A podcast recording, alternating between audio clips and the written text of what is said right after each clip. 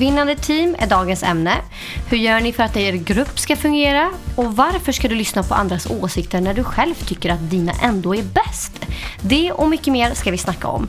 Och vi har ett helt gäng vinnare med oss i studion idag. Joakim Flink som drivit sitt UF-företag vidare. Mikael Lindqvist som bland annat har utsetts till världens tredje bästa lärare. Och en grupp som jag skulle gissa på att ni förmodligen känner igen, nämligen Panetos. Tjolululu, lulu. Hej allihopa. Hur mår ni idag? Jag mår jättebra, hur mår du? Bra! Vad har ni gjort? Eh, käka frukost. Du var stressad John. Jag, var, jag är alltid stressad. Stress, det är det som styr mitt liv just nu, eller hur? Mm. Ja. Ska inte musiker vara i tid Hirby? Jag tror inte jag känner någon musiker som har varit i tid. Nej, speciellt inte på alltså. Vi ska prata med er all- alldeles strax lite mera. Men först ska jag träffa Joakim Flink som är en tidigare UF-elev som drivit sitt företag vidare. Eh, kan inte du berätta vad din idé går ut på? Eh, våran idé, vill jag säga, och inte min idé kanske, var att eh, bedriva läxhjälp i samarbete med idrottsföreningar. Och det här gjorde vi för att underlätta vardagen när man idrottar mycket och har lite tid till att göra läxor. Eh, så det var det vi började bygga vidare på i tankebanan. Då. Eh, så att, eh, idén var väl kort ett läxhjälpsföretag för idrottande ungdomar. Vi ska gå in på det lite mer sen, eh, men först vill jag köra en liten faktaruta med dig. Mm. Hur gammal är du? 19 år. Eh, Var kommer du ifrån? Eh, Sätra, så en, eh, lite söder om Stockholm. Vad gör du för något? Idag så jobbar jag deltid på Svea Ekonomi och eh, utöver det så driver jag, förutom studiecoachen då, som är vidare på UF-företaget, så eh, har jag involver- involverad i två stycken startups. Och vem är din förebild? Jag har många förebilder. Eh, Johan Wendt bland annat som är en riktigt duktig social entreprenör eh, som startar Mattecentrum som jag tycker är otroligt häftig. Eh, men den största förebilden är Hampus Jakobsson som är, idag är han väl IT-miljonär efter att ha sålt sitt bolag, men en riktigt häftig entreprenör. Och vilken roll skulle du säga att du tar i en grupp? Jag tar nog en ganska ledande roll i en grupp. Jag gillar att, testa på lite olika roller, men i slutändan så brukar jag ta åt mig en ganska ledande roll. Kan inte vi prata om eh, ditt företag lite mer? Jag är lite nyfiken på exakt hur det går till praktiskt. Det här just eh, med läxhjälpen alltså.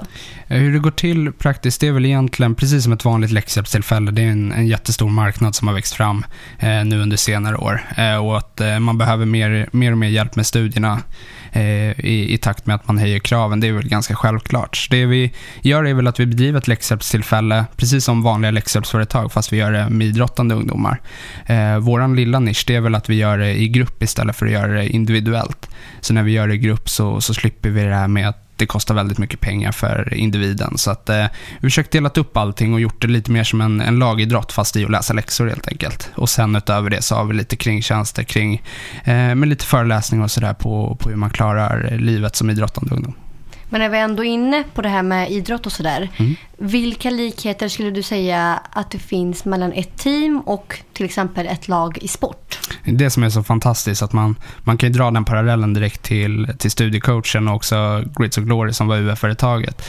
Att eh, det var ganska en, en fin parallell att dra där att det, det är precis som ett idrottslag. Man har olika roller eh, ute på planen, precis som vi har i vårt företagande och alla måste ta sitt ansvar för att det ska bli bra. Eh, så att eh, parallellen är ganska tydlig. Det är precis som att spela fotboll eller hockey eller vilken sport som helst och driva företag. Mikael Lindqvist, du är lärare i entreprenörskap. Du har skrivit boken som UF-eleverna läser. Och 2008 blev du utsedd till en av de tre bästa lärarna i världen av en amerikansk organisation. Visst är det så? Visst är det så? Det Håller du, med, utmärkt. håller du med om det här som Joakim säger? Om likheterna mellan en, ett lag och ett lag i en sport? Eller en grupp och ett lag i en sport. Ja, det stämmer väl. Jag ser väl också egentligen att eh, har du en bra idrottscoach eller tränare så försöker du välja olikheter. Tittar vi i skolan så väljer man ju oftast likadana personligheter och det är då det ställer till det lite grann. Så skulle vi våga välja olika vad vi är bra på så skulle det kunna bli mycket bättre grupper tror jag. Är det det som behövs för att liksom få ihop en bra grupp alltså? Jag tror det. Olika personligheter? Olika personligheter och olika saker som vi är bra på. Eh, tyvärr väljer vi inte på det sättet oftast. Men eh, innan vi går vidare och pratar mer om det här så tänkte jag köra faktaruta med dig också. Hur gammal är du? 53. Jag gillar din min där på frågan. Var kommer du ifrån? Jag kommer från Stockholm. Eh, och vad gör du för något? Idag jobbar jag som utvecklingsledare och lärare i Huddinge kommun och utbildar lärare i entreprenörskap från, i grundskolan och så håller jag UF-företagande. Vem är din förebild då? Det där är de svåra, jag ska vara så egoistisk, det är jag själv. Jaha, vad då? Vad menar du då? Jag försöker se upp till vad jag själv gör. Jag får alltid lite ångest när jag får den här frågan, vem är min förebild? Det kan skifta hur mycket, det kan vara Donna Summer när jag var 17 år. Det kan vara någon IT-guru, så att jag har inte riktigt sån. Nej, det kanske man inte måste ha, eller? Ja, Inte jag i alla fall. Vilken roll skulle du säga att du tar i en grupp då? Jag är oftast, i- det beror på egentligen hur mycket jag brinner för någonting. Eh, jag kan få så här kreativa idéer så jag ställer mig gärna upp och ritar för en grupp eller någonting och tar en massa konstiga idéer vidare och oftast förstår ingen vad jag gör. Eh, initia, initia, eller initialt så brukar jag vara den som lyssnar, observerar och reflekterar. Och sen efter en sån här bra stund så säger jag någonting som jag hoppas är klokt. Men vilka roller och funktioner är det som behövs i en UF-grupp då? Ja, vad säger du? Det är, i, I alla grupper så är det ju- Mm, jag tycker att det är viktigt att man har någon som kan axla en ledarroll på rätt sätt. Någon som eh, får igång och skapar motivation. Det är jätteviktigt. Sen ha en, en glädjespridare med, för att det, det är inte lätt alla gånger. Och då måste man ha någon som kan få med sig hela gruppen och, och få in lite positivitet i det hela. Det får aldrig vara negativt, utan man måste, för att komma framåt så får det inte bara vara tufft hela tiden. Utan är det tufft under en period, då måste man ha någon som, som bidrar. Men det viktigaste är väl, tycker jag, och det vi märkte från, från UF, det är att man måste kunna komma överens om ungefär samma mål, men inse att alla har olika sätt att ta sig dit också. Eh, så att eh, olika personer är jättebra, för att annars så, så föder man ingen framgång i, i särskilt inte UF. Mikael, vilka egenskaper behövs då i en UF-grupp? Nej, jag håller ju med Joakim att eh, det behövs alla de här, någon som är en teamplayer, någon som vill ordning och reda, jätteviktigt. Det är den här personen som syr ihop alla de här balansräkningarna i slutet och knyter ihop säcken. Eh, det behövs någon visionär som gärna ligger steget före, som kanske gör de andra lite tokiga. Har du redan varit där? Vi har inte pratat om det ännu och så vidare. Men som driver och hittar på saker. Tittar vi hur UF klassiskt byggs upp så finns det ju lite givna roller som man kan jobba efter. VD, marknadsföringschef eller ansvarig kan man kalla det för. Det är affärsidén tycker jag först och främst som ska avgöra. Är du, har du en webbaserad tjänst eller någonting så är det kanske jättebra om flera är duktiga inom det området än att sitta och vara administratörer kring det här för att det ska jag göra. Så att affärsidén är jätteavgörande. Sen är det bra att titta på de här sakerna. Sen ser jag ju dessutom att även om du har en vd eller en eh, övergripande ansvarig för UF-företaget så ser jag att varje elev är ansvarig för sitt område. Det är det som är det viktiga här. Att jag brukar skilja på att det inte är grupparbete där en sitter och skriver på datorn och fem tittar på bredvid. Det är lite klassiskt. Och jag- vi har väl alla varit med om det. Men här har man ett givet ansvarsområde som eh, jag också måste uppfylla för att hela företaget ska gå framåt. Och där kanske är rollen som, som vd, oavsett om det är UF-företag eller ett, eh, ett jättestort företag, så handlar det om att få folk att göra sitt bästa. Det handlar inte om att göra det själv, för att man tror att man gör det bättre. Man kan tycka att man gör det bättre och har säkert eh, vissa gånger en bättre lösning på problemet. Men då har man ju sänkt den personen som man, man har gett det ansvaret egentligen från början i gruppen. Och det är ju fint med UF-företagande att man kommer ju överens från början okej, det här ansvarsområdet ska du ha, det här ska jag ha. Och då får man försöka hålla sig till det. Vd-rollen och en ledarroll, det handlar ju inte om att vara chef över någon och säga vad man ska göra, utan det är ju att se till att man lyckas göra saker.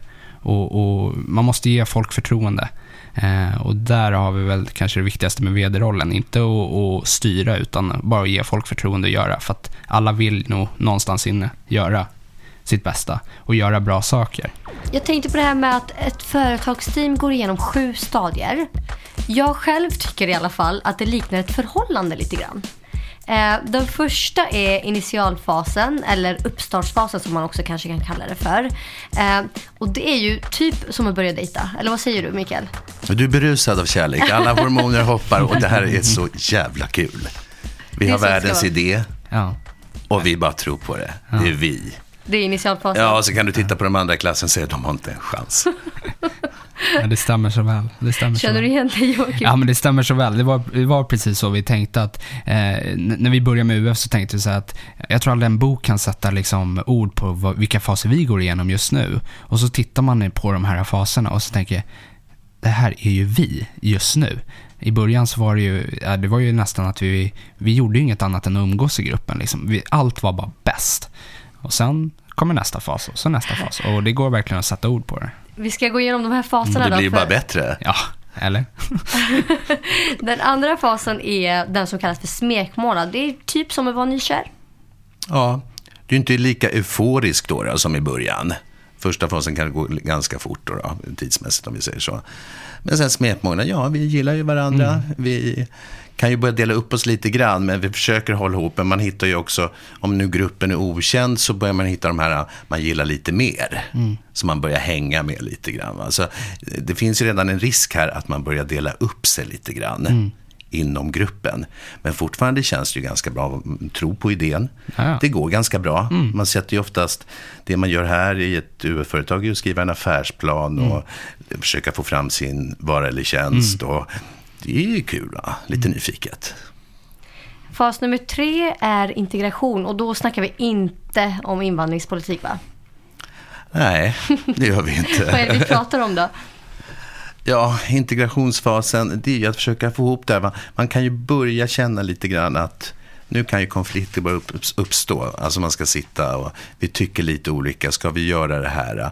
Vi kanske inte får fram produkten så fort som det var tänkt. Det kan ju ha uppstått problem. Några blir nervösa, några blir sura. Några tror fortfarande.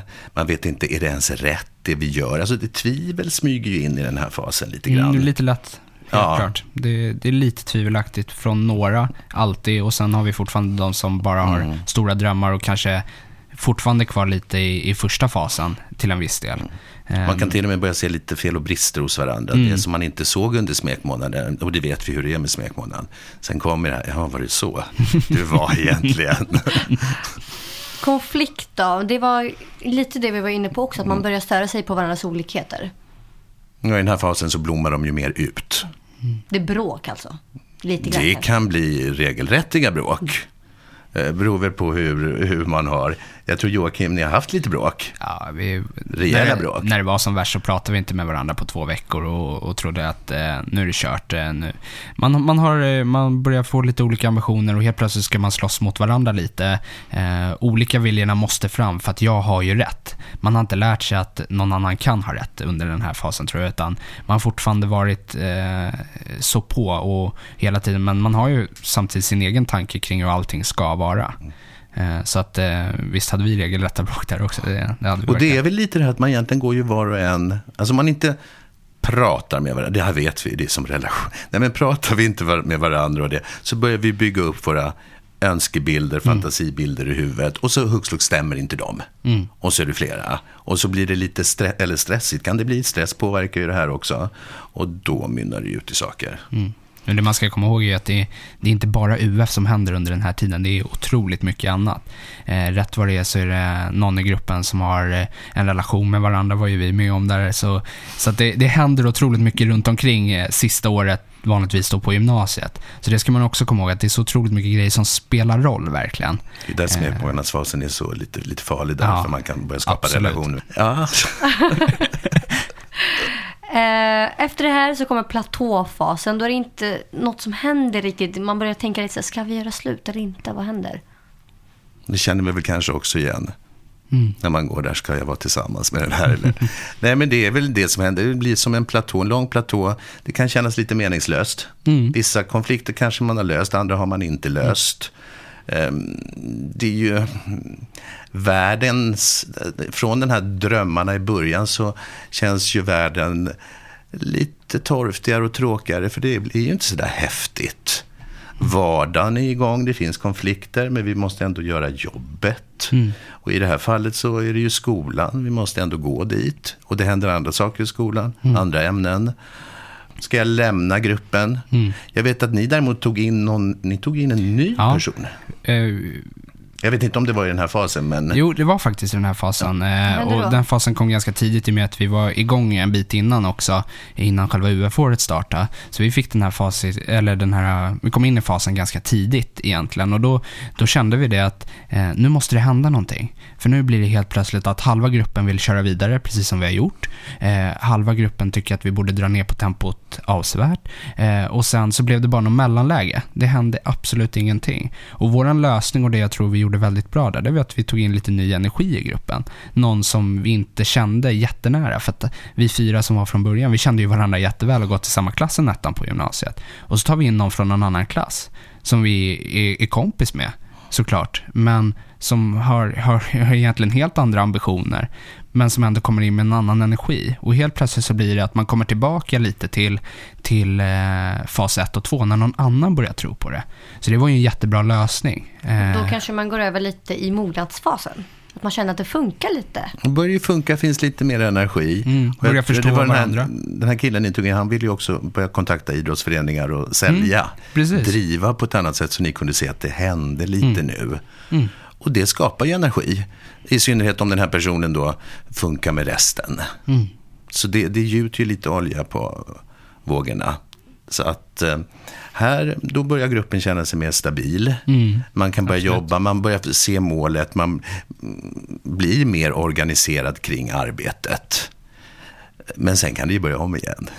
Alltså konflikt, det finns ju hela tiden. Det viktigaste är väl att kunna, så här tjusigt sagt, då, att bearbeta de konflikter som kommer upp. Man kan ju säga att den svåraste konflikten att ha, det vet jag inte om ni har haft det, men det är om man har, alltså, har en person, att man inte tycker om människan.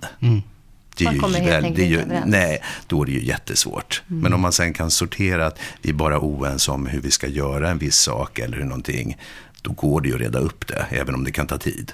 Visst kan det ta tid, absolut. Det vi gjorde i, i den här fasen, precis innan vi kom in i den här mognadsfasen, det var att eh, jag kallade till utvecklingssamtal med varje person individuellt.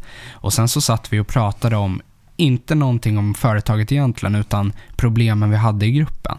Bara för att jag skulle få en bild av vad som hände. Och då, då är det också att, då har du pratat ut eh, med någon som kanske inte var, var huvuddelen i just den eh, intrigen. Och har du fått chansen att prata ut och sen så kan du liksom gå in, alla vet om vad som ligger på bordet, det är ingenting som ligger i luften, man pratar inte strunt om varandra bakom ryggen eh, riktigt. Då, eh, då kommer man in i den här mognadsfasen på ett, ett väldigt bra sätt. Och, och jag tror att det största med mognadsfasen är att man faktiskt kan börja jobba tillsammans igen utan, eller med de här eh, problemen som ligger, för problemen ligger kvar och intrigerna man har med varandra, de ligger ju kvar. Men man kan börja jobba med dem. Trots dem liksom. Ja, och, och man kan komma framåt. Okej, du och jag tänker inte likadant, men hur gör vi för att komma vidare? Och, och det tror jag att man, det är någonting man har kommit till, när man kommer till den här fasen, då har man lärt sig det under året. Att okej, nu har vi haft en platåfas, det händer ingenting, nu måste vi göra någonting i alla fall. Och den sista fasen är separationsfasen. När UF-projektet är klart i princip- i princip. I princip är det ju det. Eh, och det gäller i vilken grupp som helst. Det är ju att har man jobbat med ett projekt så tar det slut. Eh, det kan ju vara jättetråkigt då för en del. Andra är ju överlyckliga. Äntligen. De kanske inte säger det, men de studsar iväg i något annat rum och säger ja, det är över. Eh, jag tror det kan vara som ett UF-år också för en del. Att de går, har lärt sig jättemånga saker, men oj vad skönt, jag behöver inte hålla ihop med den här gruppen längre.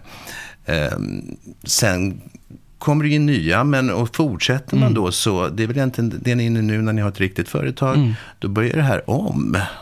Om gruppen eller idén fortfarande och vi ska jobba tillsammans. Det kommer komma in människor och gå ut människor och så vidare. Jag tänkte ju på det att jag, jag brukar ju varna, det är ju aldrig någon elev som lyssnar på en i början. Och så är det bara. Eh, man ska gå sin egen väg, även om jag då är väldigt klok och ska förmedla mina saker. Och tycker nog säkert andra lärare också att de är. Men det är ju det här, välj inte, att vara kom, eller välj inte dina bä- bästa kompisar när du ska ha UF-företag. Och så gör de ju det. Varför och ska man inte göra det då? du, du, du nöter så mycket. Därför att när du jobbar mot verkligheten som du kanske inte har gjort så mycket i skolan tidigare och konfronteras med allting. Deadlines, stress, spännande saker, höga ambitioner, vi ska bli bäst eller, och så vidare. då börjar det ju tära. För är du bästa kompis då har man ju haft ett helt annat förhållningssätt. Efter skolan, under skolan, man har viskat, man har pratat lite skit om andra kanske. Man vet vem man gillar och vem man ska försöka dejta eller något liknande. Man går ut på helger. Och det här blir ju jättebesvärligt. Men hur funkar det bättre med folk som man inte känner lika bra då? Nej, men de kan du ju ändå... Du, du har ju ett annat förhållande. De börjar du lära känna, det kan ju bli kompisar för livet. Men man har en annan Men sorts du har ju en annan relation och då kan du ju ha dina bästa kompisar kvar och börja prata, eller fortsätta det. Så att, Ehm, det är viktigt när man börjar att man inte direkt från början har någonting emot varandra. Så får det inte vara heller. Bara för att man inte väljer sin allra, allra bästa kompis så behöver man ju inte ta den man är ovän med. Eh, Det är också någonting man kan, man kan komma ihåg. För jag vet att jag har hört historier om att några lärare sätter ihop de som är mest omaka i klassen till en UF-grupp och säger kör. Och det är inte heller en vinnande taktik eh, alla gånger. Eh, det är jättelärorikt men kanske inte vinnande taktik i det här. Eh, jag lärde känna Erik som jag ändå var väldigt, väldigt bra kompis med eh, innan UF-året. Men vi blev ju bästa polare just på grund av UF-året, att man var tvungen att sitta och göra alla de här grejerna tillsammans. Vad händer Panetos? Nej, det går bra. Allt bra. Yes, tack så mycket. Det är alltså Joel Budgie och eh, Johan Hirvi som vi pratar med från Panetos. De enda två som kunde komma hit idag. Hur skulle ni säga att eh, kompisar funkar i ett team? Är ni, är ni alla kompisar? Det är ju det som hela Panetos är. Vi är nästan mer kompisar än, än affärskompanjoner. Men är det alltid bra då? Nej, det har, Inte jag, skulle, jag skulle säga att det har sina för och nackdelar. Eh, som allt annat egentligen. Liksom att inte ha när man, när man har vissa så här business partners så vill man oftast vara kompisar med dem också. Men det är inte heller alltid bra. Så eh, Jag tror det alltid finns för och nackdelar för alla saker. Men eh, för oss har det ju ändå fungerat bra. Liksom. Vi har ju liksom slagit igenom. Vi har åkt och varit med överallt i princip. Så någonting gör vi rätt. Mm. Vi ska köra en eh, faktaruta med er båda också. Vi kan börja med Joel. Yes. Hur gammal är du? Eh, Njol Badji, 25 år gammal. Ehm, Var kommer du ifrån? Ursprungligen eller? Alltså ursprungligen är jag Var- svensk. Ja, Ja, here we go. Vi har haft den här diskussionen. jag äh, Ursprungligen är jag svensk, men mina föräldrar kommer från Gambia. Och var i Stockholm är du ifrån? Jag är från västerort, Westside, Vällingby, Hässelby, Lego. Vad gör du för någonting? Eh, idag är jag faktiskt egenföretagare och så håller jag på med musik i en grupp som heter Panetos. A.k.a. Dansa Pausa. Mm. Och vem är din förebild? Min förebild är min mamma, min pappa, min syster. Jag vill tacka Gud. Gud, mina kusiner. Nej, faktiskt. Min mamma, min pappa, eh, min syster. Jag vill inte ge dem för mycket luft. Så jag ska inte nämna deras namn. De, de är... Du tittar på, mot Hirvi, Ja, resten okej. av Panetos. Ja. Det är, det är mina, det är mina äldre det. bröder. Det är mina Ja. äldre bröder. Så man måste ju se dem som en förebild. Även fast jag inte alltid gillar dem. Så det är inte så bra ändå. Men, Hirvi, hur gammal är du? Eh, 80. vänta Njol, hur gammal sa du att du var? 25 mannen, 25. 25? Ja, han är 26 och, och jag är 33. Fyller 37. Var kommer du ifrån? Eh, jag är född i Sverige, har en svensk mamma och en finsk pappa. Och jag är född på Södersjukhuset. Vart i Stockholm, vilket område hör du hemma? Vart växte du upp? Vad har du hemma Hirvi? Vänta, jag är född på Huddinge sjukhus. Nej, jag är från eh, Haninge, vilket eh, det, jag gick i skolan och träffade de andra i Panetos i Haninge, så att alla original Panetos är från Haninge. Vad menar han? Vad menar han? Vad gör du för någonting? Eh, jag är utbildad civilingenjör. Jag har egen firma. Jag är konstruktör. Jag är låtskrivare. Ska bli producent. Oj, oj, Jag oj. är artist i Panetos. Och eh, en av VD-erna. Det är många titlar här. Eller hur? Så här Emblem eller? Alltså jag vill inte ta upp alla. Jag, det skulle ta hela dagen. Vem är din förebild då? Jag har faktiskt ingen förebild. Du har tagit dig hit på egen hand. Nej, men jag, jag ser liksom, jag inspireras av olika saker men jag har inte någon fast förebild. Du kan säga mig om du vill alltså, det är okej. Nej, jag är mer som din mentor. Nej. Men Hirvi, vilka är för och nackdelarna då med att eh, ha kompisar i ett team?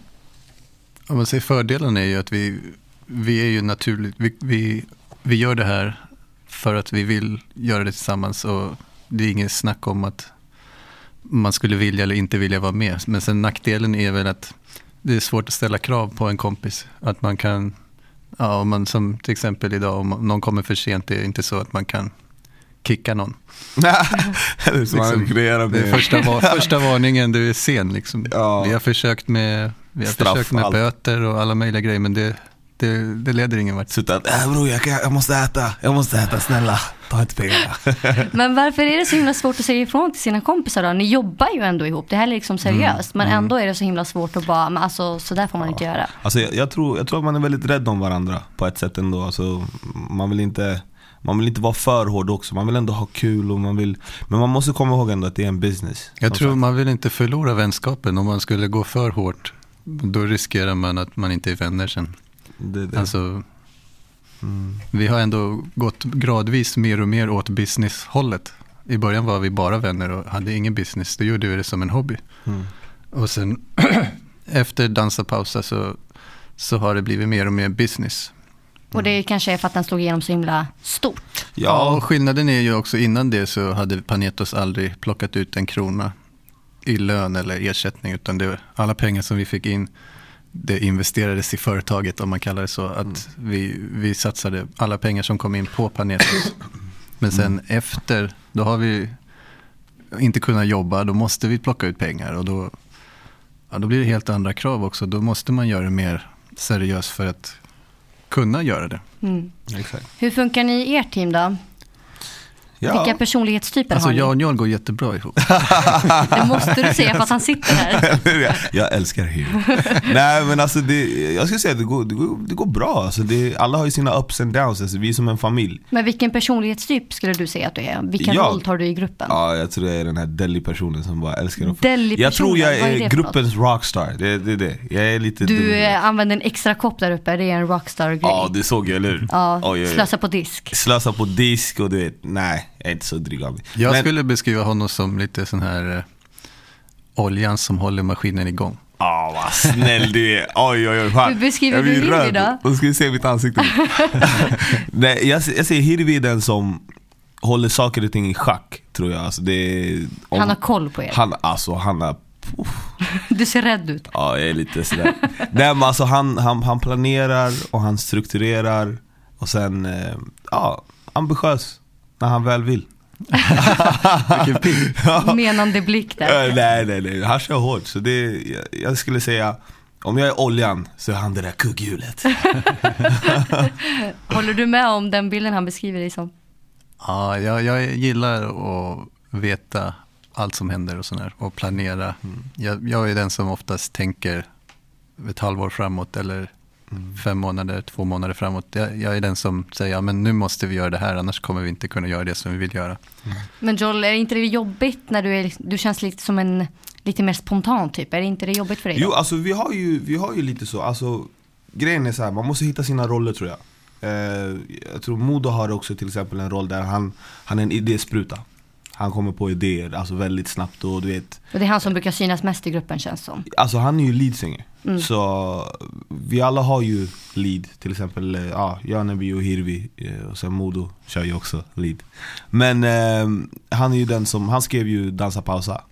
Eh, och Tillsammans med Nebio. ja, tillsammans med Nebi, exakt.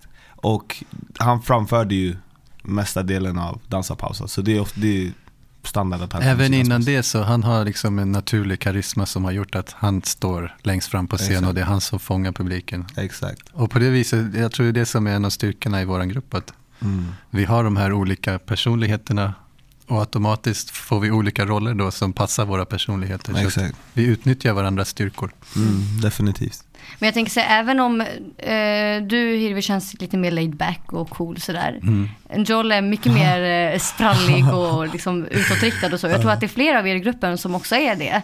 Blir det liksom aldrig en kamp om vem som ska vara i fokus? Titta på mig, titta på mig. Typ. Nej, alltså jag tror inte det. Jag skulle inte säga det i alla fall. Alltså, jag och Modo, är- jag skulle säga jag och Modo är väldigt lika av oss ändå. Att vi, vi är lite såhär, oh. Woo! Jag har den här budgie-genen. den är lite knas. För ni är men- kusiner va? Ja, vi är kusiner exakt. Så vi, vi har ja, nästan hyfsat likadana karaktärsdrag skulle jag säga. Ehm, Men bli, blir det aldrig att, att ni två tjafsar liksom om vem som ska får mest uppmärksamhet? Nej, alltså tjafsa gör man alltid tror jag. Det gör man definitivt. Jag är den yngst, jag är yngst i gruppen så det är lättast, lättast att hacka på mig kan man säga. Men jag tar inte skit från någon. nej men eh, jag skulle säga att det, nej, som sagt, man hittar sin roll. Och så känner man sig bekväm med sin skinn. Plus det är som att vara med sina vänner. Eh, man har kul, man gör det man vill göra. Jag tror inte det är någon kamp om oh, jag ska synas mer än dig, du ska synas mer. Nej. Okej. Vi ska göra en checklista. Då får ni komma med varsin punkt som ni tycker är väldigt viktig att tänka på eh, när det gäller vinnande team. Mikael Lindqvist. Våga söka dig till olikheterna när du tar emot. Alltså tar in medlem, eller medlemmar i en grupp. Att eh, tänk hellre på vad de är bra på. Eh, kanske är någon tjej eller kille som kanske ah, är inte jättebra i skolan eller inte intresserad av skolan och då tänker jag själv att ah, men det kommer jag aldrig att lyckas. Men den kanske har världens ordförråd, kan sälja massor eller är grafiskt jätteintresserad. Alltså, ta reda på det. Det är bra, man kan göra lite små tester och mm. det i klassen. Och våga söka sig till det, bara för att det, då blir det bara en häftig utmaning där och man kan få faktiskt nya kompisar också. Vad tycker du är viktigt att tänka på Joakim? Kort så är det lyssna när någon annan eh, verkligen pratar. Och kanske inte lyssna på, på orden i sig, utan lyssna på vad man vill få fram. För att alla har bra saker att komma med. Och ska man bygga ett vinnande team, då gäller det att man lyfter fram saker ur alla. Och om alla har den känslan i sig att nu är det inte min tur att kanske synas och jag behöver inte blockera den här personen utan nu ska vi istället försöka göra det bästa av, av vår uppgift mot vårt gemensamma mål. För har man satt ett högt gemensamt mål som alla brinner för eh, då, då tror jag att det är ganska lätt att bygga ett, ett vinnande team. Panetos eh, Jolo Hirvi, vad säger ni? Det viktigaste är att man har ett tydligt definierat mål. Så alla vet vad de ska jobba mot. Var det rätt? Det var Okej, okay, bra. Jag var väldigt nervös. Idag har vi diskuterat hur man blir ett vinnande team och hur man får en grupp att fungera. Jag heter Priscilla Haddad och med mig i studion har jag haft Joakim Flink, Mikael Lindqvist och sist men inte minst Panetos. Vi hörs! Hej då!